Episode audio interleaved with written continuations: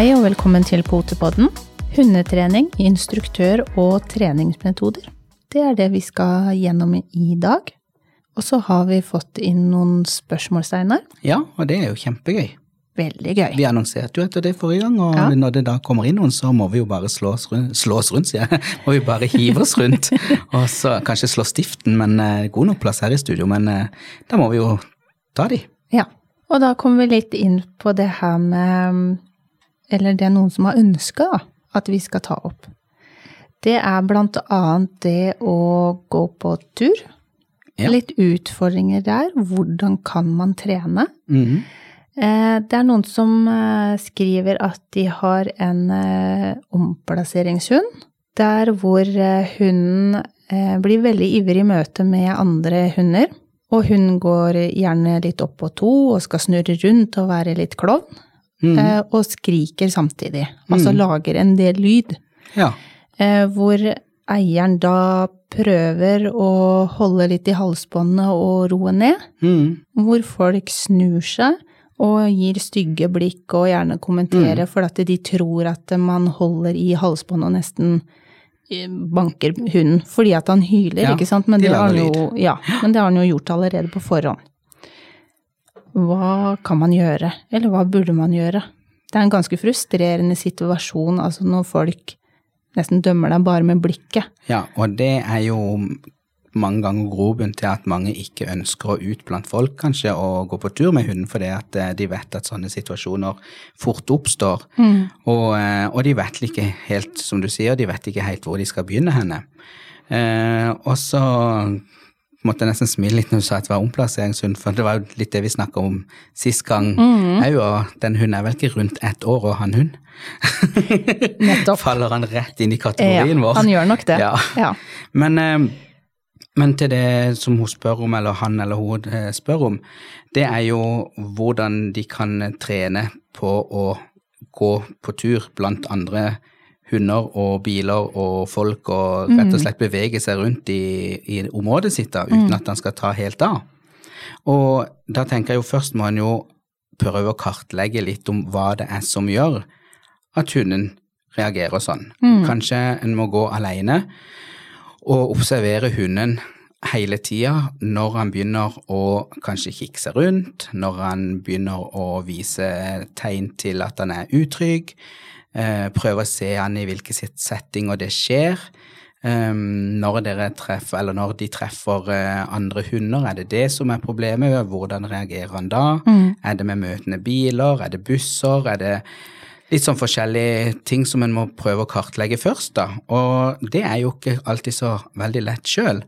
Så da er det jo kanskje en mulighet å ta kontakt med f.eks. en som er flink på atferd, og gå en tur sammen, og, og da ha fokus da på, på den hunden. Eller eh, ta et privattime med, med en eh, atferdsterapeut eller en, en, en kjent, ja, en eh, instruktør. Mm, for det står også her at eh, det gjelder i møte med andre hunder, ikke aggressiv på noen måte eller noe, men han Nei. blir veldig ivrig. Mm, Og når han da ikke får eh, komme bort, så begynner han å lage mye lyd. mm. Og så står det også eh, at det samme gjelder traktorer. traktorer.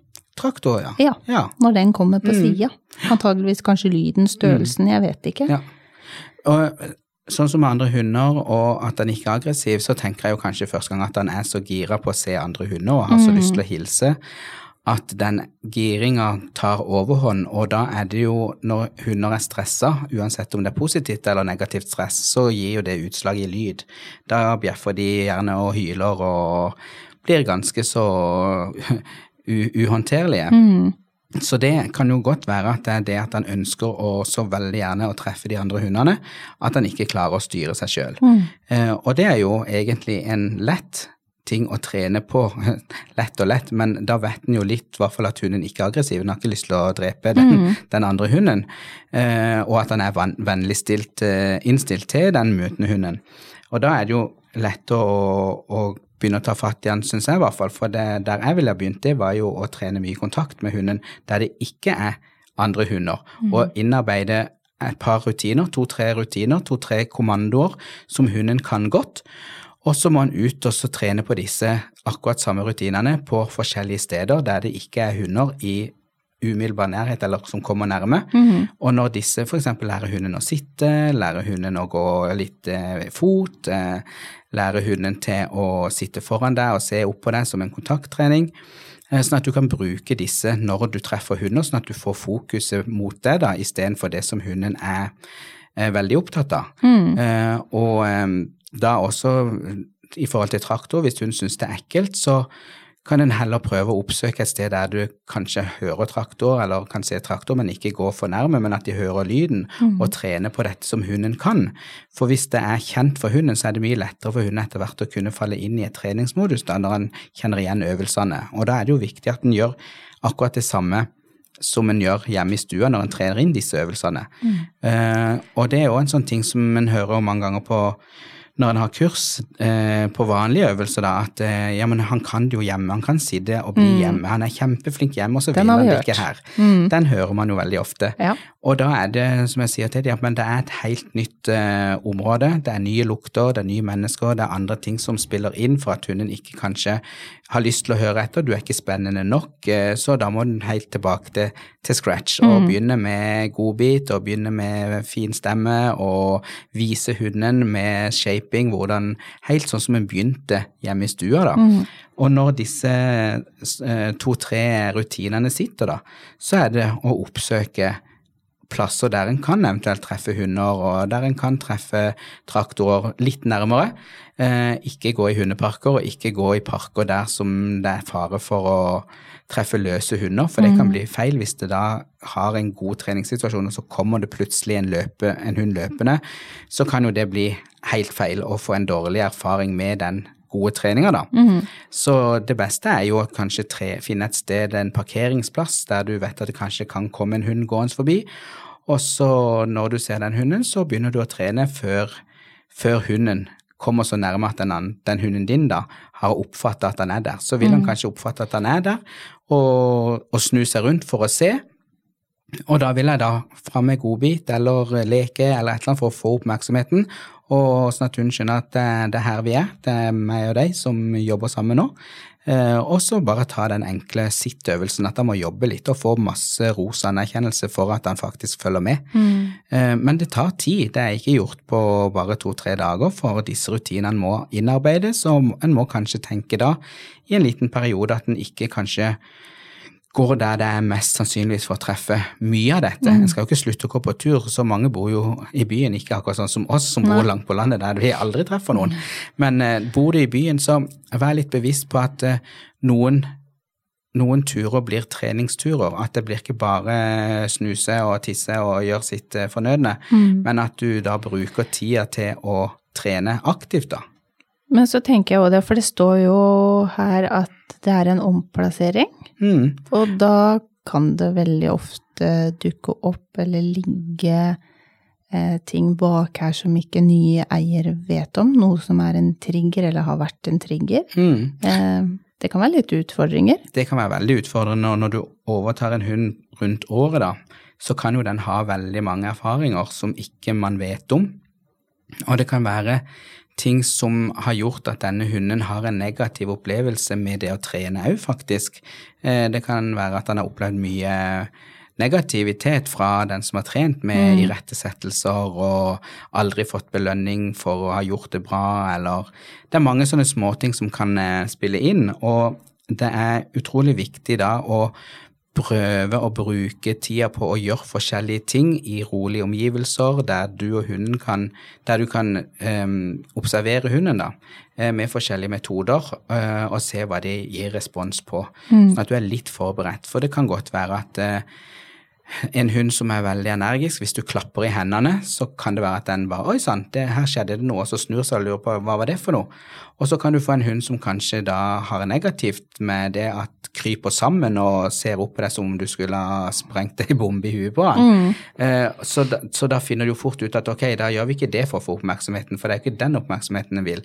Så en må selvfølgelig prøve seg litt fram for å se hvilke triggere som gjør at uh, hunden får en positiv uh, respons eh, på det du gjør, sånn at ikke du står der midt i en situasjon, og så vet du ikke helt hvordan du skal rose, og, og i verste fall at du roser feil. At for deg så var det godt ment, men for hunden så ble det helt feil, da. Mm.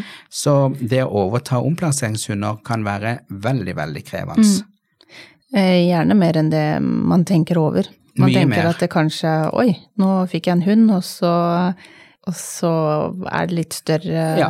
ting man må jobbe med, men Og mange som omplasserer hunder, òg, er jo Det er ikke sikkert at alt kommer fram. kommer fram Nei, absolutt At ikke. det, det er sikkert mange som tenker at hvis vi sier alt denne hunden sliter med, så er det jo ingen som vil ha den. Mm. Nei. Men at de tar liksom litt, litt på overflaten. Og Sånn så er det ikke sikkert at eh, de tidligere eierne klarer å catche, lese alt heller, er som er en en, utfordring. eh, En, en ting å ta med at det er ikke sikkert at eierne har klart å catche, som du sier, det som har gjort at hunden Mm. er blitt sånn. Men kanskje det kan være en liten lærepenge eh, ut ifra det spørsmålet som vi har fått inn her, og som jeg har lest. Eh, så skrives det også at det er veldig Det er litt vondt, det er litt vanskelig å gå på turer mm. i utgangspunktet fordi at hun har en del utfordringer på dette området, men også fordi at det kommer eh, mange blikk, det kommer kommentarer fordi at det, hun hyler jo. Mm. Um, uten at de har eh, gjort noe Mm. vondt med hun. og jeg tenker at det er kanskje noe som vi som eh, hundeeiere må tenke litt over, at vi ikke dømmer. Ja, For det det, kan være viktig. årsaker Det kan til- være årsaker til at hunden, eh, hunden um, oppfører seg sånn som han er. Og det at du får de blikkene av andre og sånn, så tenker jeg det er noe av pakka med å ta en omplasseringshund med litt issues, som du må ut og trene på blant folk. Så må du kanskje av og til gjøre noen ting som ser litt rart ut, eller som du føler ikke er så komfortabelt. For det er, når du først har tatt imot denne hunden, så er du jo faktisk ansvarlig for å gjøre det beste ut av det. Og da må du kanskje gjøre litt eh, andre ting som jeg sier, som gjør at eh, hunden kanskje reagerer på en litt rar måte, eller at eh, de, du må sette hunden i en situasjon som, som hunden kanskje har en litt annen atferd enn mange andre hunder har. Men allikevel så vet du jo sjøl at eh, det ikke er At ikke du har gjort hunden noe vondt, da. Mm. for det er jo det er jo sånn med både oss mennesker òg at har du en angst for noe, så er det av og til du må smake litt på den. Ikke det at du skal hives oppi med hele kroppen og nå må du bare klare det, men du må smake litt på den. Smake litt på ytterkanten for å se hvor, hvor langt kan jeg gå nå, og så må en vite litt at ok, det var hit vi kom, så må vi jobbe litt her da, og så må vi jobbe på dette stedet, og så prøve om en stund om kan vi presse det litt lenger. Mm. Og, og da må en jo ut og så se hvordan hunden reagerer, og da få disse blikkene kanskje og en kommentar at eh, nå ser du ikke at hunden din er redd, og eh, han hyler jo, han er jo vettskremt, og liksom du, må du kan ikke gjøre sånn og sånn. Så, så er det kanskje viktig at en da kan si at eh, men jeg vet at han er redd, men vi trener på dette. Dette er en hund som, har, som er blitt omplassert, som har hatt eh, noen traumer eller som har hatt noen opplevelser som har gjort at han gjør sånn som dette. Eh, og vi vet ikke helt hva det er, men vi holder på å prøve å få hjulpet han så godt som mulig med å kartlegge hva, hva som ligger bak. Eh, selvfølgelig, det er jo et langt svar, da, men dette er små elementer som en kan ta også, og kanskje forklare for de som, som står og ser på, da. Og så er det noe med det som vi har snakka om tidligere, å tilrettelegge for at de skal lykkes. At man ikke trår for langt. Ja. Forlanger for mye på en gang. Mm.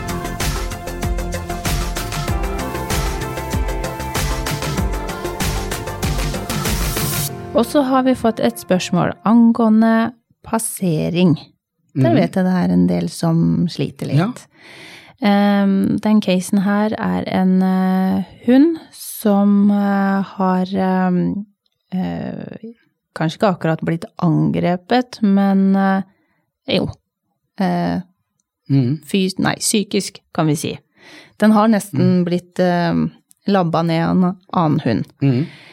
Og så er de på tur, og han begynner å eskalere med at han begynner å dra. Eh, han TV-er, er voldsom, og får ikke lov å bort og hilse. Og så, i frustrasjonen, så napper man Mm. i beinet eller i armen eller det som treffer. Er in, På eier. Ja, Mm. som er det nærmeste. Mm. Og det er det jo noen som sliter litt med. Mm. At det, det blir et um, utfall. Mm. Heter det det? Ja. Det kan, ja, et Ja. fall en, en overslagshandling. Ja, Mm. nettopp. Eh, og det er jo ikke noe godt. Nei, Heller å få det der sabla klypet, enten om det er i leggen eller Hva kan man gjøre? Ja, hva kan en gjøre? Det, det er litt sånn som jeg sa i, på forrige episode òg, det var jo at når jeg får noen spørsmål om hvordan en skal trene og hvilke metoder og hva en skal gjøre, så er det så vanskelig å sitte og si ut ifra det som blir skrevet. Altså, jeg, jeg må nesten ser- se hunden i, for, i en situasjon og se hvordan kroppsspråket er, hvordan blikket er, hvordan eieren er. Eh, alt, dette, alt dette er sammensatt og, og henger sammen med hvordan resultatet blir. Eh, det jeg tenker litt først når du forteller det du forteller, det er jo uh, Han er blitt uh, valsa over når han uh, var mindre, eh, og fikk en støkk i seg da av en stor hund. Én ting er jo at de får, kan få en støkk i seg, men så er det hva ble gjort i situasjonen ut ifra eh, Det kan jo godt være at eieren har tenkt oi, det var dumt, stakkars hund, den hylte og ble redd. Vi tar han opp og koser med han og sier å, dette var ikke farlig og jeg skal passe på det, og tar han vekk fra den store, som kanskje er en, en grei hund, som er en snill hund, men som var litt for voldsom i lek, eller litt for voldsom i et eller annet i hilsesituasjonen, så han ble tråkka At, at den lille ble tråkka på, da. Eh, og da har det jo i grunnen forsterka det at han ble redd, og, og få anerkjennelse på at ja, det, det, det er riktig det å være redd for denne hunden, for dette var ikke greit, så pass deg for disse. disse. Eh, og da når han heller ikke får lov å hilse på hunder eh, når de er på tur, eller og sånn òg, hvis de er litt store og, og sånn, så så blir jo det bare forsterka at eh, nei, du, du kan ikke hen der. Og så tenker hun at ok, dette er farlig, eh, jeg skal passe på, jeg skal ta min oppgave og så passe på, for du har jo sagt at du syns også dette er farlig. Eh, så derfor tar jeg heller og, og passer på, og så gir jeg varsler at eh, eh, ikke kom bort hit og, og sånn, da. Eh, og, og da er det jo mye bundet med den hunden som, hadde, som gjorde denne her tingen, da, at det kanskje er store hunder da, som det skjer oftest med. Men det vet en jo heller ikke. Nei. For når en ikke har sett hunden heller, så vet en hvordan han og om han er på begynnelse til å gjøre det med andre hunder og, og sånn, men, men sånne hunder er det jo òg viktig at en trener på det å passere, og da har vi jo veldig mange som eh, annonserer og som tilbyr passeringskurs. Ja, det har jeg sett. Eh, og det er Men hvordan skal man vite hva som, hvilke metoder, hva som er riktig for den hunden? det For det er så som mye å velge. Det er jo det som er så både bra og dårlig, det er det at det er så mye å velge imellom. Eh, jeg har jo tenkt mange ganger at jeg ser noen som legger ut passeringskurs og passeringstreninger med fem-seks stykker. Eh, Det er ikke alle jeg vet hvordan praktiserer denne passeringstreninga, men jeg vet jo at noen skriver hvordan de praktiserer det, at mm. de skal finne ei løype å gå, og så skal de passere hverandre. De treffer kanskje to-tre av de andre deltakerne på runder, og så vet alle hvor de skal treffes. Ja. Og da tenker jeg at hvis du har fem hunder som skal passere hverandre, som alle sliter med det å passere en annen hund, så var det jo absolutt ikke der jeg ville begynt. Nei, da ville jeg jo begynt å trent en passering med en hund som er trygg, som ikke bryr seg om den hunden som hyler og skriker og, og, og gjør utfall og, og sånne ting, som ikke gjør noen ting som er helt likegyldig. Mm. Sånn at den andre hunden får en god del opplevelser med at ok, shit, dette var jo egentlig litt teit av meg, her skjer det jo ingenting, Mm. og nesten da etter noen ganger står og kikker og liksom venter hva skjer nå, ikke sant, og det Ja. skjer ingenting, og nei vel, det var jo Det er liksom ikke motpart som er like ivrig som, Ja. som den andre, da. Mm. For da blir det jo, som du sier, to som eskalerer. Ja, og jeg hadde for en liten stund siden, det, det kommer jeg faktisk på nå, at jeg hadde jo noen som sleit med, med den passeringstreninga. Eh, og da hadde jeg en av våre voksne tisper som er kjempe kjempesnill og ikke bryr seg så mye om andre, og hvis hun gjør det, så får vi jo fort ut av med å bare lage en lyd eller si navn og sånn, og så får vi fokuset på den hunden, sånn at den ikke står og ser, og den har heller ikke noe intensjon om å stå og, og kikke på den andre i øynene heller, og, og sånn, så, Så da brukte jeg den et par ganger eh, og trente. Kristoffer trente òg et par ganger med den litt lenger borte, mens vi trente på noe annet i nærheten, sånn at den hunden så den andre hunden. Og i begynnelsen så var det litt krevende for den hunden, for han ville jo veldig gjerne bort dit og ville gjerne ha kontroll på den hunden vi hadde med oss da. Men når den etter noen minutter skjønte at ja, men den er jo bare der borte, han kommer ikke nærmere, så kunne han klare å konsentrere seg. Og så gjorde vi det et par ganger, sånn at den hunden vår da, etter noen ganger kunne komme nærmere og nærmere. Og da fikk de innarbeida noen eh, rutiner, f.eks. da sitt, eller sitte foran og så se på når de ble bedt om det, når kom en annen hund. Mm. Og så begynte vi med at den andre, eller vår hund da, bevegde seg litt mens den andre satt i ro, men ikke nærmest sånn at han kom bort. Den kom, den kom aldri bort. Det er, er ikke noe særlig for at de til slutt skal kunne komme bort sånn og hilse og sånn, for det er ikke det som er målet. Målet som jeg ser da, som jeg ville hatt, det var jo at hunden skal kunne passere andre og se andre hunder uten å ta helt av, da. Helt enig. Så, så jeg, jeg vil jo De som har hunder som sliter med dette, må tenke litt igjennom hva er det som utløser det. Uh, er det spesielle hunder? Er det på spesielle steder? Er det spesielle farger på hunden? Er det mm. hannhunder? Er det tisper? Um, er det sykkehunder som løper? Kommer løpende forbi ved siden av sykkel eller en jogger? Um, er det på dagen? Er det på kvelden? Alle disse tingene spiller inn på for å lage et best mulig opplegg for den enkelte hund. Mm. Uh, og da tenker jeg er dette en ting som jeg tror kan hjelpe å trene med andre hunder med samme atferdsproblem, mm. eller er dette noe jeg ønsker å trene på i ro og mak sammen med andre hunder som ikke har dette problemet. Mm, som ikke bryr seg. Så det er jo litt uh, ut ifra, og det er litt viktig at jeg kanskje spør de som, som holder disse kursene eller treningene om hva de tenker, og, og hvorfor de eventuelt mener at hunder med samme atferd skal passere hverandre. Mm.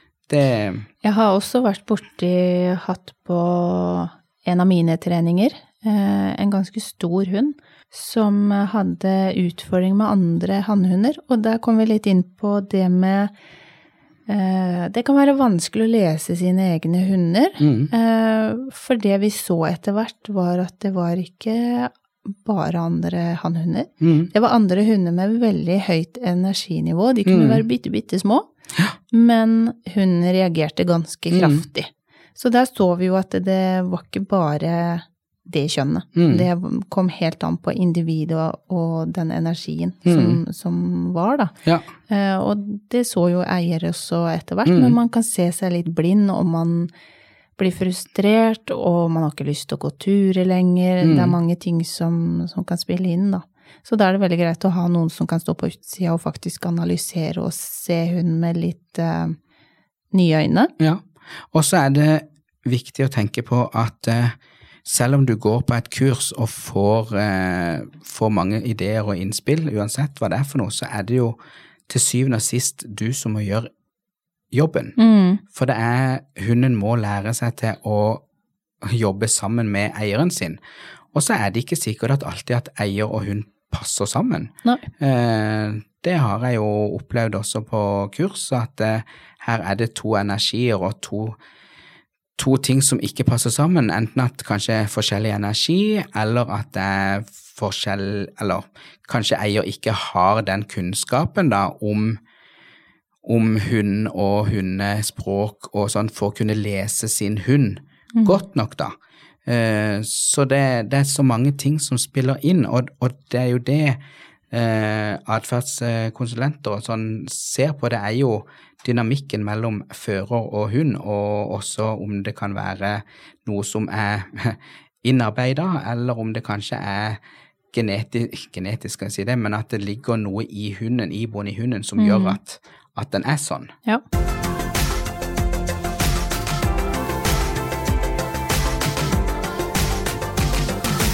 Og så har vi et lite spørsmål. Hvordan kan man trene innkalling? For innkalling, de som ja. ikke har gjort det så mye. Mm. Innkalling er jo veldig viktig. Og det igjen snakka vi om sist gang, at det er utrolig viktig å trene på innkalling når en går på tur i skogen og sånn. Det handler jo om å ha kontroll mm. eh, når en er ute og ferdes med sin hund. Men skal man og, starte med at de er løse, eller skal man ha på en lang line, eller hva tenker du? Hva tenker du? Nei da. Jeg vil ha et jeg. ja. Ja. Eh, jeg tenker at eh, innkallinga starter når hunden er åtte uker og den Mm. kommer hjem til deg. Og da slipper du å ha den i bånd. Da kan den være løs. Men har du den da bare i hagen, Da har vi den i stua, der Ja. han er. Og så sitter vi på gulvet, og når hunden kommer bort, så får han masse kos. Og så sier vi navnet, og så tusler han litt rundt, og så når han kommer bort igjen, så får han masse kos, og så sier vi navnet. Han får lov å bite oss litt i nesa og i håret og klatre litt på oss og, og sånn, sånn at han syns det er kjempegøy å komme bort til oss, bite Ja. oss litt i tærne og sånn, men det skjer vel egentlig bare én eller to ganger, så skjønner jeg at det, det er ikke der eh, vi leker. Men, eh, men eh, allerede der har du begynt å etablere ønsket om å komme til deg som eier. Mm. Og så når vi har gjort dette, så er det jo av og til at de får godbiter. At vi trener kanskje litt utstilling, eller at vi trener litt sitt eller ligg med sånne små valper, for det kan en fint gjøre. Mm. Eh, en eh, skal ikke kreve for mye av dem, men det er godt å gjøre litt små arbeidsoppgaver. Mm. Eh, og så tar en jo dette med ut i hagen, som du sier. Og, Ja. Og at det blir akkurat det samme. Setter seg gjerne ned på, på gresset, for da kjenner hun igjen posisjonen. Du sitter på gresset, du satt i stua, ok. Hvis du sitter på gresset, så tenker han kanskje å, det betyr kos, da kan vi leke, da vil vi leke. Og så kommer de løpende, og så skjer akkurat det samme der som det skjedde når du var inne i stua. Men begynner du å legge inn noe kommando, eller er det for tidlig? Nei, du kan begynne å legge inn kommando da òg, du kan si kom. Ja. Og da sier du det når hunden er, kommer imot deg. Eh, du sier ikke det hvis du sitter i stua da, og så hunden står eh, og lukter på noe. Da sier du ingenting. Du venter til hunden har blitt ferdig, kikker på deg og begynner å komme mot deg. Du lager kanskje en lyd som hunden tenker å, nå skal vi leke. Du tar en leke, rister litt på den, og hunden er på vei mot deg. Da sier du kom. Og så når han da kommer, så får han leken og får all denne her oppmerksomheten.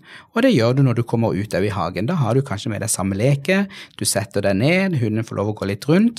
Når hunden ser på deg og du rister på den leken eller lager en lyd som han kjenner igjen fra inne, så tenker han å, det var det som du lekte med inne, så da kommer han kanskje løpende, så idet han kommer løpende, så sier du kom. For det er veldig lett for å bli eksempel Fido, kom. Ja, ja. Kom. og det, du kan si Fido, kom, eh, men, Men hvor mange ganger skal man si kom, liksom? For dette, det er Si jo det én gang. Ja, nettopp. når de er på vei mot det, for da er de allerede på vei mot det.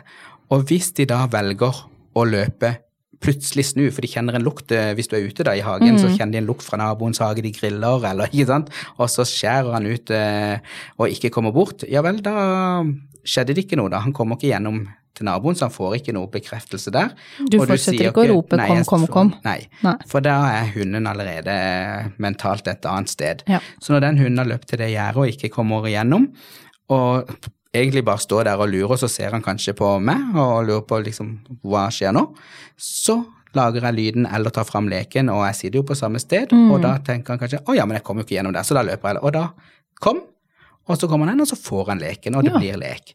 Eh, og sånn kan du Og så tar du med deg den i parken. Du har kanskje langline, da ville jeg hatt på langline.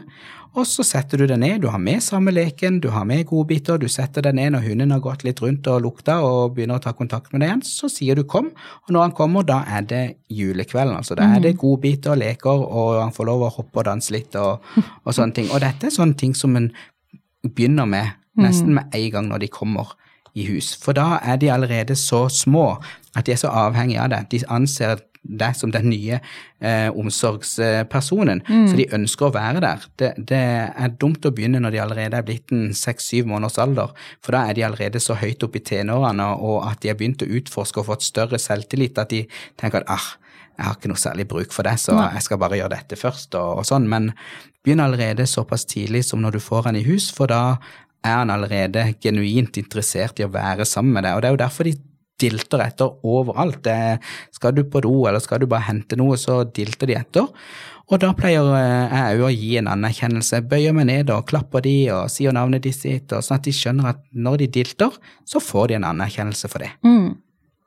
Men egentlig så er det en veldig fin aktivitet, og når du akkurat har fått valpen, kontra å gjøre veldig mye den første tida når valpen har kommet i hus, hvor han kanskje blir stressa og høy og sånne ting. Mm. Ja. Det er en fin inneaktivitet å Det er en veldig på. fin inneaktivitet, og så er det noe med at eh, den første, de første ukene så skal de være mye hjemme, for de skal utforske hjemmet sitt, de skal utforske nabolaget sitt, huset sitt, de skal bli kjent med alle de som bor i husstanden. Mm. Det kommer gjerne folk på besøk som har lyst til å se denne søte lille valpen som er kommet i hus, og sånne ting. Og da er det veldig greit å bruke sånne situasjoner og, og trene litt små aktiviteter som kom og sitt og legge seg eller dekke eller mm. bare hoppe, sitte på gulvet og hunden hopper over det ene beinet og så får en god bit, liksom. Eh, så det, det er sånne små aktiviteter som det er lurt å begynne med, for det er, det er med på å, å bonde. mm. sånn, at, eh, sånn at de ønsker å, å være med, at de anser oss som noen gøye lekepartnere, da. Men kanskje også det med å gå i bånd? Mm. Og lære de ganske tidlig til Eller bånd eller sele, Ja. altså det er veldig forskjellig hva folk bruker. Men det å starte litt tidlig på den Mm. biten, sånn at de ikke fortsetter å dra. Nå har, nå har jeg erfaring med en rase som drar mye, Mm. men eh, det å, som du sier, få kontakt, Mm. trene kontakt, Ja. eh, og begynne. Mm. Begynne tidlig med den Mm. kontakttreninga, for den kontakttreninga kommer du til å ha bruk for hele hundens liv. Ja. Og det er den som er grunnsteinen i all trening. Du kan ikke trene en hund noen ting hvis ikke du har kontakt med. Nei. Så det, det er alfa og omega, det. Det Mm. er de første månedene så er det kontakttrening. Så den er utrolig viktig å, å ta seriøst. Mm. Da tror jeg vi har vært gjennom i hvert fall de spørsmålene. Ja. Med både innkalling og passering og ja. Ja. Så håper jeg at de som sendte inn, fikk noe å tenke over, og kanskje noe de vil vite litt mer om og kanskje søke opp og, sånn, men eh, det er litt eh, våre tanker om, Mhm.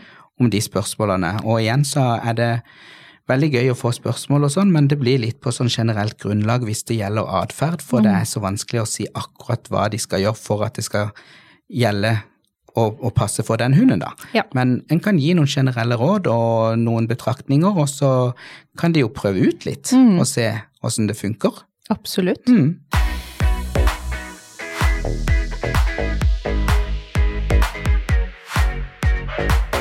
Instruktør. Eh, det er vi jo begge to. Ja. Eh, trent på forskjellige områder. Ja. Hva er egentlig en instruktør? Klarer du å forklare det for de som lurer på hva det er? Eh, eller en hundetrener, eller ja. Og hva går det ut på? Altså, er man eh, Er det en utdannelse? Går man en skole? Er det en beskytta tittel? Altså, Mm. Det er vel egentlig for så vidt ikke det. Det er jo ikke en beskytta Det er det ikke. Nei. Eh, Det er ingen beskytta tittel, så hvem som helst kan kalle seg en eh, hundeinstruktør og en hundetrener. Mm. Det er jo det er jo dumt og bra, tenker jeg, for det kan favne mange, og det kan eh, Og det gjør jo også at det er så stor forskjell i hvordan man trener hund, da. Mm. Og det at man kaller seg for en godkjent instruktør, er jo også, tenker jeg litt om, hva er en godkjent instruktør? Eh, hvem er det som godkjenner en godkjent instruktør? For eksempel en, eh, en rørlegger er jo en godkjent rørlegger når han har tatt fagbrevet og sånn, og, og der er det jo ting som sier at du må klare å gjøre ting sånn som det skal være. Ja. Du skrur ikke de feile rørene på hverandre, og så ja, det lekker litt, da, men det går helt fint. Mens med hundetrener så kan du faktisk det. Du kan faktisk trene noe og så tenke at ja, ja, det var ikke helt sånn som jeg tenkte, men det går greit. Det, det passer for meg. Mm. Ikke sant? Så, så der er også målet i hva som er målet. Mm. Det er så utrolig forskjellig fra hundeeier til hundeeier. Sånn at eh, det å være en instruktør, en godkjent instruktør, også er litt ut ifra hvem som eh, Har godkjent? ja, hvem Ja. som har godkjent det òg. Og, ehm, og det finnes jo mange som, som sier, som fra forskjellige steder, da, som sier at de har en godkjent instruktørtittel. Ehm, og vi har jo hundeskoler som utdanner sine egne instruktører. Ja. Med en, du kan ikke være instruktør innenfor den hundeskolen eller den, eh, den som tilbyr kurs, da, hvis ikke du har tatt de sin utdannelse, det de mener bør være i en instruktørutdannelse, og så at den skolen da godkjenner. Da blir du den skolens godkjente instruktør. Eh, Så har du eksempel NKK, da, som har en instruktørrekke mm. eh, med trinn 1 og 2 og 3 instruktører, der du har også andre krav for å kunne ta denne eh, skolen. Og så har du eh, egne profesjoner som utdanner sine instruktører bare på den ene ting. Der for eksempel Norsk Smellerforening Ja. har jo sine instruktører, sin utdannelse for å bli godkjent eh, smellerinstruktør. Ja. Så det finnes jo et hav av folk som kan godkjenne en instruktør, og det at du har en instruktørgodkjennelse fra noen, vil ikke si at du er en god instruktør. Og det tror jeg er litt viktig å, å, å tenke over, at eh, bare fordi at du har tatt noen kurs eller tatt en utdannelse, så er det ikke sikkert at den instruktøren passer for alle. Eh, Det kan være en kjempegod instruktør. Eh, Jeg har hatt instruktører som ikke jeg har syntes har vært så gode for meg, men som andre på kurset har syntes var helt topp. Og det er jo kjempebra. Eh, Og jeg har også hatt kurs der jeg tenker at andre har kanskje ikke fått ut det de tenkte at de skulle få ut, men så har han fått tilbakemeldinger av andre som syns det har vært helt topp. Så det å være instruktør er utrolig vanskelig, for du har så mange du skal legge til rette for. Eh, Og derfor tror jeg også at det er viktig for de som skal gå kurs, spør litt hvilke metoder som blir brukt, hvilke teorier kanskje som blir brukt, eller i- ideologier, hvordan, hva de som tilbyr kurs da legger vekt på. For eh, det kan jo være at noen skoler følger én retning, da, og så er det bare den retninga. Du har jo noen som Du skal ikke si nei til hunden. Du får ikke lov å si nei til hunden. Det er bare ikke lov. Og da tenker jeg at ok, hva gjør du da for å fortelle hunden noen ganger at det er ikke lov, eller at den må avbryte en handling? Og så sier du nei, du skal lage en lyd. Eh, ja vel, men nei, det er jo òg en lyd. Eh, om, om jeg klapper i hendene, eller om jeg sier nei litt høyt eller litt eh, morskt. eh, Hunden må jo stoppe med det han gjør. Og så har du jo de som mener at eh, hunden skal holde på med det han gjør, og så skal du rose han når han slutter, slutter med den eh, handlinga som du ikke ønsker, og så skal du rose han veldig da. Eh, er jo Jeg har ikke tid til det, tenker jeg, Nei. i hverdagen. Og så tror jeg også at en hund må vite hva som er riktig, eller hva som er galt, for å kunne gjøre det riktig, da. Og her er det ikke snakk om at man skal banke en hund og være stygg med den, for det skal man ikke. Men en må av og til si ifra at denne atferden og denne oppførselen er ikke ok. Mm, Eh, og hvis den da vet hvordan hunder fungerer i flokk, så er det, hvis det er en unghund som kommer inn i en flokk og ikke oppfører seg, så får han ganske kraftig beskjed av de andre at her har du bare med å innfinne deg din plass på stigen, Oh, og det er yes. ingen, som, ingen av de andre hundene som står og spør tre-fire ganger om Nei. at du, nå har jeg neste gang sier jeg fra til deg, neste gang. Mm. Eh, Noen kan det i, opp til en viss alder, for det er det vi kaller de går på valpelisens. Valpeli- ja. Mm. Eh, Men så kommer de til et steg der det bare bang, her er den harde virkeligheten. Mm. Det Du må bare jo- innfinne deg. Det vet vi jo begge to som har større flokker, Mm. og flokker i Altså det er alt fra valper opp til godt voksne, kanskje Mm. til og med veteraner. Ja. Så vet vi jo det at ja, som du sier, valpelisensen, men det kommer til et punkt der hvor faktisk de får ganske klar beskjed av de andre om at det, det kan du egentlig bare drite i. Mm. Og det å være instruktør og kalle seg instruktør òg, eh, er jo også en ting du må tenke igjennom også hva du vil stå for, da, som instruktør. Eh, for min del så ble det å gå gjennom NKK sin stige, for det var det som var nærmest eh, når jeg begynte å tenke på å bli instruktør, for da hadde jeg vært instruktør i hundeklubb, eller hadde vært hjelpeinstruktør i hundeklubb. Ja. Eh, og da er jo de tilknytta Norsk Hendeklubb. Eh, og da, etter et par ganger, så ble jeg spurt om ikke jeg kunne tenke meg å eventuelt senere ta en instruktørutdannelse. Så tenkte jeg at jo, men det høres jo veldig spennende ut, og de jeg hadde vært på kurs, eh, hatt kurs sammen med, eller som hadde vært mine trenere da, de var veldig flinke. Eh, de trente på en måte som jeg syns sjøl at jeg kunne stå inne for. Mm. og jeg så jo at de fikk resultater. Og, det er jo òg et tegn på om du er en god eller dårlig instruktør. Det er jo om du får resultater. Eh, ikke bare det, da, for, eh, for det, det er jo de som går på kurs, da. Det er jo de som gjør det. Men har du vært flink nok til å forklare og vise disse og veilede disse, så vil du jo etter hvert se resultater. Eh, men eh, NKK-instruktøren som jeg kjenner best, som jeg egentlig bare kan ta utgangspunkt i, for jeg vet ikke, jeg har ikke lest eh, andre hundeskoler og sånn sine kriterier for å bli godkjent gjennom der, men jeg vet i hvert fall at NKK har at du må være, ha vært hjelpeinstruktør i en uh, hundeklubb mm. i 60 timer for en uh, godkjent instruktør, en trinn 1, 2 eller 3-instruktør. 60 timer. Og så må du nå, det er nokså nytt, så må du ha oppnådd et uh, prøveresultat fra en eller annen prøvegrein, om det er lydighet eller agility eller bruks, IPO. så må du ha en, en godkjent prøve. så det er egentlig både teori og Teori Praktisk. og praksis må du ja. vise til før du kan bli godkjent. Du kan godt ha hatt noe av det begynt på det, og så begynne på instruktørutdannelse, men du får ikke godkjent før alt dette er i boks, da.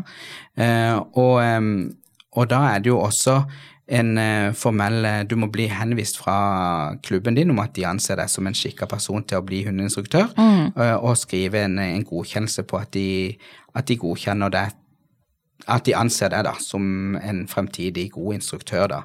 Og det syns jeg jo er en kvalitet i begynnelsen, men så er det jo igjen mm. kan, Det er jo menneskelig å, å vurdere feil eller vurdere subjektivt istedenfor objektivt. Også, så, men, men, det at du i hvert fall må vise til eh, et antall timer der du har trent hund mm. og vært instruktør eller hjelpeinstruktør, det syns jeg jo er en veldig god ting, da.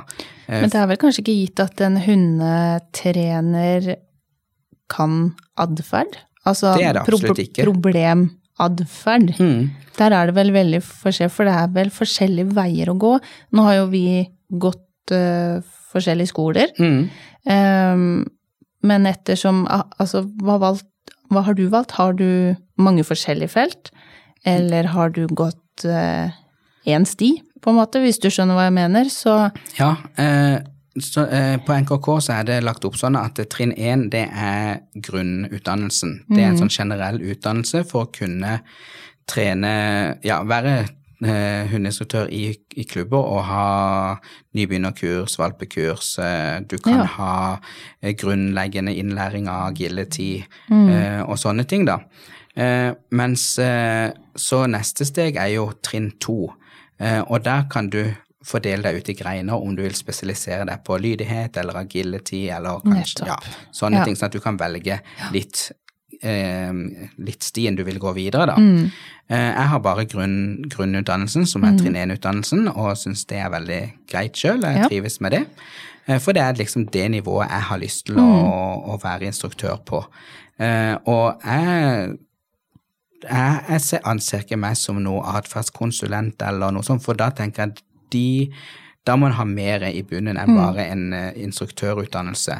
Og det finnes jo uh, atferdsterapeuter som har tatt atferdspsykologi på hund og sånn, og, og, de sitter jo med en mye dypere kompetanse enn det en vanlig instruktør gjør. På akkurat det feltet. Akkurat det feltet mm. der. Uh, men det er jo ikke sikkert at det den personen ville gått til hvis jeg skulle hatt lyst til å konkurrere i agility. Nei. Så er det ikke sikkert at det er den personen. Og da tror jeg det er viktig at vi sjøl, som jeg sa i stad, at vi finner ut hva, hvor vi vil stå hen, da, mm. som instruktør. Eh, jeg kan ha eh, jeg kan ha agility-kurs, mm. eh, men det har jeg ikke. Nei. For det er jeg absolutt ikke kapabel til. Jeg kan for lite om det. sånn at Eh, det vil jeg ikke begi meg ut på. Det er for andre som har mer erfaring med det, og som kanskje konkurrerer i det, og som gjør dette nesten daglig. Mm. Det får de ta seg av. Eh, og så har jeg kanskje spesialisert meg litt mer på det med valpekurs og innlæring og og nybegynnerkurs for eh, hunder som kanskje ikke har trent så mye, som kanskje er kommet litt i den slyngelalderen og det. Mm. For det syns jeg er spennende å, å, jobbe med, de mm. casene der. Men ikke når det går over på aggressivitet eller overdreven redsel eh, og sånne ting. For da tenker jeg at de kursene som jeg har i sånne settinger, det er ikke settinger som er gode for den type trening. Nei, da må du trene i mindre grupper, kanskje én til én, og få veldig god konsulenthjelp mm. da, til hvor, hva du skal fokusere på hjemme. Men det skal sies òg, når du skal på et kurs, det syns i hvert fall jeg. Mm. Eh, Det er viktig å finne en trener som eh, ser deg og hunden, Mm. men også ser hunden Mm. og deg hver for seg, Ja.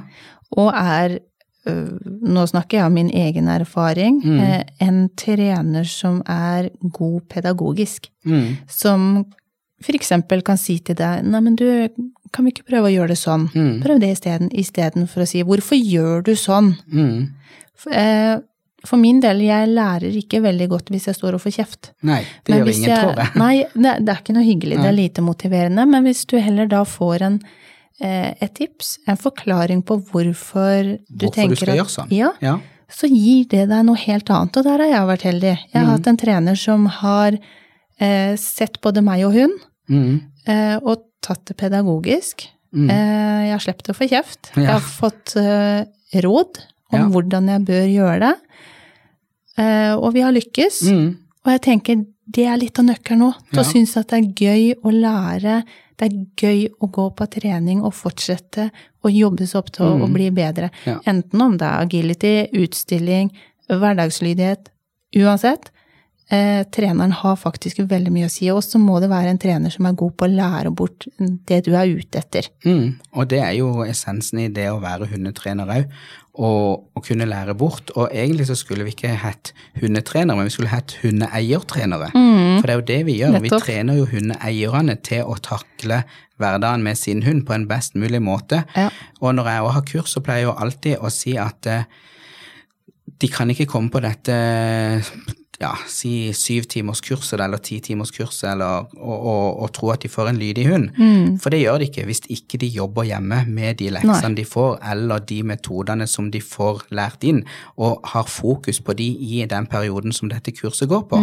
Så får de ikke noe lydig hund, eller får ikke noe godt resultat. Og meg som også trener, jeg ser jo om det er noen som har gjort hjemmeleksa si. Jeg ser jo fort det at det, om det er noen som har gjort hjemmeleksa si. Men så er det jo noen hunder som er kjempelettlærte. Ja. Som tenker, og det har jeg opplevd det nå sist. At bare så, å ja, jeg ser du har trent en del på med denne og, og, hos meg. Da bare eh, nei, jeg har egentlig ikke trent så mye. liksom, og, og sånn. Men så er det litt om hva er mye og hva er ikke mye. Ja. Men jeg så i hvert fall at det var en progresjon fra forrige gang. at Uh, men Hun hadde trent på det, da, men kanskje ikke så mye som hun trodde jeg trodde at hun hadde trent. da. Nei. Men, men det å tilrettelegge for at eierne skal skjønne hva du mener, det er jo essensen i det å trene hund for andre, da. For jeg kan jo godt trene en hund og få det resultatet som eieren gjerne vil ha, men så skal eieren overta denne hunden og gjøre det på akkurat samme måte, og det blir det ikke. Selv om de gjør det på samme måte, så er det ikke samme måte. Nei. For jeg har min energi, og eieren har sin energi og sin måte å gjøre det på. Så selv om det utenifra så ser det nesten tilsynelatende likt ut, men for hunden så er det veldig forskjellig. Så, så det å veilede hundeeiere da, til å skjønne hvorfor de skal holde hånda i den stillinga, hvorfor de skal stå på den posisjonen i forhold til hunden, hvorfor de skal sette seg ned i den set- settinga og ikke i den settinga, selv om det kanskje er samme øvelse, så er det to forskjellige settinger, for du trener på to forskjellige steder. Eh, skjønne hvorfor du skal eh, si eh, kommandoen med det trykket eller ikke det trykket, hvorfor du skal bli lysere i stemmen når du skal rose, hvorfor du skal være litt mørkere i stemmen når du skal kanskje Jeg, jeg bruker ordet irettesette, da, men forklare hva du ikke ønsker. Alle disse tingene går jo på mennesket Ja. for at du skal gjøre det så tydelig som mulig for at hunden skal skjønne det. Det er vanskelig, det. Det er veldig vanskelig, og det er ikke minst eh, Det har jeg hatt en del på mine treninger òg, det her med når skal man belønne, Mm. til hvilken tid. Ja. Og det kan være bare sekunder eller små bevegelser Ja, det som er- gjør at det skiller. Det er Ja. utrolig vanskelig å Mm. se. Så det, det er ikke lett. Og hun er ikke nødvendigvis fryktelig Nei. Det er eh, levende individer. Mm. Og så er det jo det med at eh, når du går på kurs, så skal du ha en forventning til instruktøren din, men vi har også forventninger til du som kommer på kurs. Vi har, jeg har faktisk, hvis du betaler en god sum da for å gå på et kurs, så har jeg jo en forventning om at du faktisk ønsker å lære. At du ønsker å ta til deg det den prøver å formidle. Eh, og, eh, og det er jo veldig gøy når du prøver å vise noen noe som sier at ja, men jeg har prøvd sånn og sånn og sånn, og så, ser en, så sier jeg ja, men vis meg hva du gjør for noe. Ja, ja. Og så gjør de det, og så ser jeg kanskje aha, men du stiller deg feil, Mm. eller du bruker eh, en feil Du gjør en fakte som hunden mistolker, Ja. ikke sant? Og så sier jeg ja, men hvis du bare prøver å gjøre sånn, eh, ikke beveg den hånda, ikke beveg blikket, ikke stå helt til å gjøre sånn, og de bare å, det funka. Ja, Ikke sant? ja. Det er jo kjempegøy. Det er jo det som er gøy når en er trener og ser at en klarer å formidle hvordan en skal gjøre ting bedre, da. Og så er det jo en ting at man er eh, Vi trener begge to, Mm. men vi har eh, også trent opp eh, veldig mange av våre egne hunder. Ja. Eh, vi har valpekjøpere som vi har hjelpa gjennom, Mm. Eh, og ikke minst erfaringa. Ja. for at ja, det er sikkert mange eh, trenere rundt omkring som er gode, Mm. eh, men som kanskje ikke har hatt så mange hunder, eller ja, Mm. det kan de må ha hatt, man skal Ja. ikke hogge noen. Nei. Men eh, vi har i hvert fall en god del erfaring. Og der òg henter vi jo mye i forhold til oppdrett, oppdrettene våre og hva vi har vært gjennom. Ja. Og der ser jo jeg på en kjempefordel for min del, da, som har vært eh, som har hatt holdt på å si, hele min eh, trenerkarriere i en hundeklubb, Mm. som er åpen for alle raser og blandingshunder, Ja. framfor det å kanskje bare ha hatt én rase. Eh, for det kan være stor forskjell å komme til en trener som kanskje bare har trent ja, hvit gjeter, da, for å si det. Hvis en hadde vært instruktør i Norsk Hvit Gjeter-klubb, da, og bare hatt hvit gjeter opp igjennom og vært instruktør i den klubben, og bare hatt gjerne bare hvit gjeter, og kanskje en eller annen gang innimellom så kom det en annen rase, ja. så blir en veldig god på den rasen en har, for en kjenner igjen disse små tingene og ting som en har sett før, og, og det er gjerne samme linjer som kommer inn, og så du ser å ja, det kommer kanskje fra den, for de gjorde òg sånn på den måten, og de jobba også sånn på den måten. Så blir en veldig Eh, veldig ensformig, kanskje. Ja. Mens eh, jeg føler at når jeg har hatt så mange raser, så har jeg fått en veldig god og brei eh, redskapskorv da, til å lese forskjellige raser og, og kunne tilpasse Eh, også tilpassa anatomi, for det er også viktig å tenke på at ja. en, eh, en stor Grand Anois må jo ha en større bevegelighetsplass enn f.eks. en chihuahua, og en eh, malamut eh, er kanskje litt grann eh, tregere i reaksjonen enn det en border collie er. Eh, og, og sånne ting må en ta hensyn til, mens begge to kan nesten bli like flinke. Uh, eller nesten, de kan jo bli like flinke, da, Ja. men veien er kanskje forskjellig. Ja. Og det er viktig å tenke på når en er instruktør, at har en kurs for mange, så må en klare å se de individuelle forskjellene og tilrettelegge, sånn at alle som er på kurset, prøver i hvert fall å legge til rette sånn at alle på kurset føler at de blir sett og får den hjelpa som de trenger. Mm, og så trenger de ikke å komme til samme mål, Nei. alle sammen. Nei. Og det er sånn som jeg også sier når jeg, til sist kurs jeg hadde, der var det helt fra ti uker og opp til seks måneder. Mm.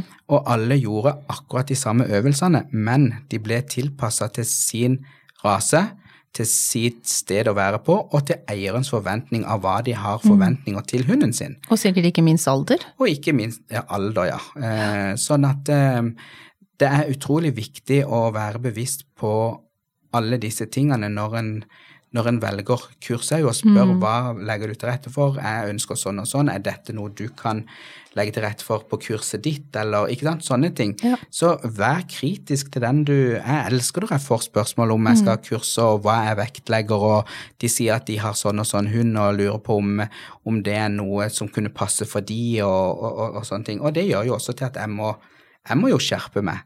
Jeg må jo være veldig bevisst på hva jeg formidler og hva jeg sier og, og, og sånne ting.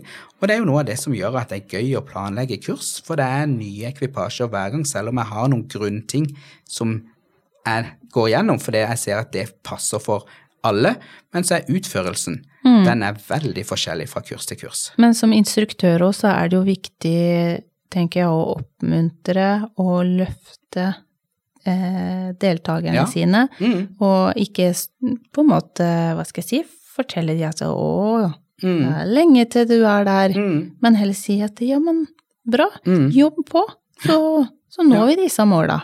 Jeg pleier også mange ganger også å, og også ikke nevne så mye hvis de gjør det, kan, det som vi kan kalle for feil, da. Mm. For jeg syns det mange ganger er bedre at hvis noen gjør noe, så sier de 'oi, det ble litt feil'. Ja. Så det, ja, det ble litt feil fordi du gjorde sånn og sånn. Gjør det en gang til, og så vil jeg at du skal gjøre sånn og sånn. For da, da vet jeg at de er med, jeg vet at de kjenner etter på om de får det til eller ikke, de er konsentrerte, enn framfor at de skal gjøre noe og jeg bare 'nei'. Hva er det du gjør for noe? Det var ikke dette jeg sa du skulle gjøre. Nå må du følge med. Det, det er ikke noe koselig. Nei. Og jeg gidder heller ikke å bruke tid på det. Eh, jeg vil heller bruke tid på de som faktisk er der for å lære, og som prøver, og som gjerne sier 'oi, nå prøvde jeg, nå gjorde jeg sånn, men se nå, den gjør jo bare sånn, hva gjør jeg for noe som er feil?' Ja. Og så gå inn og så kunne prøve å finne en ny måte å gjøre akkurat samme øvelse på, da, men kanskje gjøre litt små endringer. Mm. det er jo der jeg syns det er gøy å jobbe med andre, da. Mm. Mm. Og så tenker jeg det at det som, som eh, trenere, uansett om, om vi trener eh, hverdagslydighet, om det er agility, eller f.eks. utstilling, Mm. eh, som vi begge òg driver med, eh, som trener å si istedenfor kanskje eh, dra beinet lenger bak, Mm. men forklare hvorfor. Mm. Hvorfor skal man ta beinet lenger bak? Mm. Eh, For jeg har litt troa på at hvis du kan forklare det, så sitter det kanskje litt bedre òg. For hvordan skal de forstå å dra beinet lenger bak hvis de ikke får en forklaring? Mm. Hvorfor For hvis- skal jeg gjøre det? Ja, Ja. For eh, hadde de tenkt det sjøl, så hadde du sluppet å si Mm. ta beinet lenger bak. Så en god instruktør vil jeg si også kan forklare deg Mm. eh, og utdype hvorfor de mener at du skal gjøre som, Mm. som de tenker, da. Mm. Og ikke bare Og jeg har eh, flere ganger måttet spørre noen av mine deltakere om, om de føler at de har fått den hjelpa de trenger, Mm. for jeg føler kanskje at ikke de har det. Ja. Eh, for jeg føler at jeg kanskje ikke har klart å forklare de det godt nok, eller at at ikke kanskje har tilpassa det godt nok til de. Eh, og da må en da være forberedt på å få et, et nei, at kanskje Mm. ikke de De hadde kanskje hatt noen andre forutsetninger og Mm. forventninger til, til kurset, og da er det, pleier jeg som regel å spørre Jeg spør ikke åpent Nei, nei. rundt, deg tar de til side, Ja. sånn, at, eh, sånn at det blir en litt sånn fortrolig Mm. samtale. Og det tror jeg også de setter pris på, at en tar det én til én, sånn at Ja. en faktisk viser at jeg er faktisk oppriktig interessert i om du får noe igjen for Mm. dette her. Uh, at uh, jeg, jeg ser at det ikke blir så stor framgang som kanskje noen hadde ønska, Mm. uh, men at en da kan spørre spør om det, og, og jeg pleier mange ganger å spørre om det etter en tre ganger halvt i kurset, om de føler at det går greit, eh, sånn at en har mulighet til å rette på ting, da. Mm. Mm. Og jeg er veldig for at man eh, tar litt sånn én-til-én-dialog. For Mm. det, det kan også være at eh, det er ting de har lyst til å spørre om eller lure på, som de ikke tør å ta opp i Mm. plenum. Det er ikke alt som er hyggelig å ta opp i plenum. Det er ikke alt alle trenger å vite. Nei. eh, Med både utfordring eller eh, positive ting. Det kan jo være noen som har lyst til å skryte litt om, men som syns det er litt ubehagelig i, det offentlige.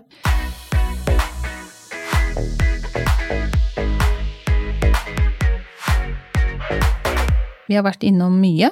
Ja, det er jo kjempestort tema det med hundetrening. Ja. Det er jo det som er altoppslukende når det gjelder hund. Ja. Og når en skal snakke om hund, så blir det jo gjerne treningsmetoder og tips og, og alt dette her. Mm. Så det er, en kunne jo snakka om det holdt på å si, i hver episode og bare gått dypere og dypere, men jeg tenker at de tingene vi har vært innom nå, er jo veldig relevant for, for veldig mange. Mm. Og det er jo det med å passere andre og komme når en roper, og det å forstå hvorfor hundene gjør som de gjør, det er jo det som er det, det største spørsmålet. Det er jo det eh, spørsmålet som en får når en har kurs òg, at lærer, lærer de å gå fint i bånd. Mm.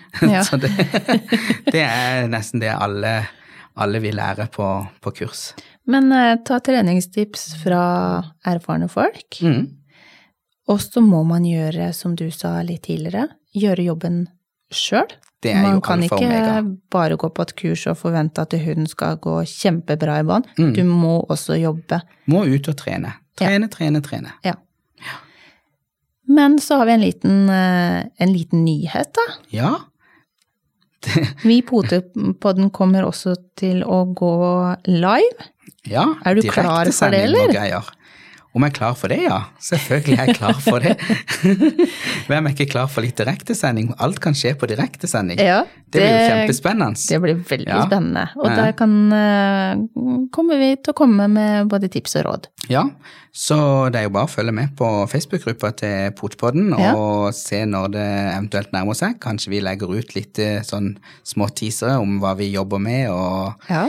og hva som en kan forvente seg i de første episodene og sånn. Men å, det blir spennende. spennende blir det. Jeg gleder meg i hvert fall veldig til å, å skulle sette sammen et, eh, et program og, og vise det, da. Ja. Mm. Det blir jo litt sånn der utfordrende for oss òg, hvis, hvis vi skal gjøre noe. Ja, jeg er litt At vi får det til. For det er jo ikke gitt at selv om en er vant til å trene hund, så er det jo ikke gitt at den hunden vil gjøre det akkurat der og da. Nei. Så, eh, men vi er jo så heldige at eh, Kristoffer har trent opp den ene hunden vår, så vi tar den hele tida, for den kan det meste.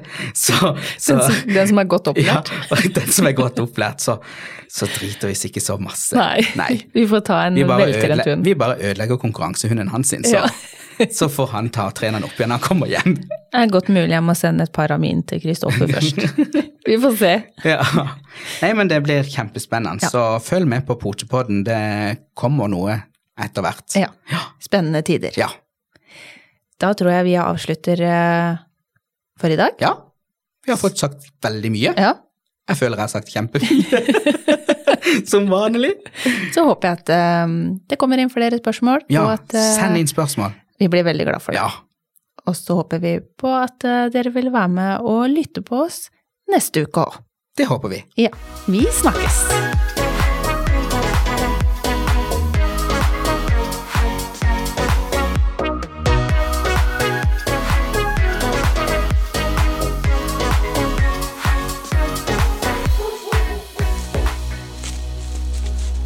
Potepodden, firebent prat laget av ckakademiet.no.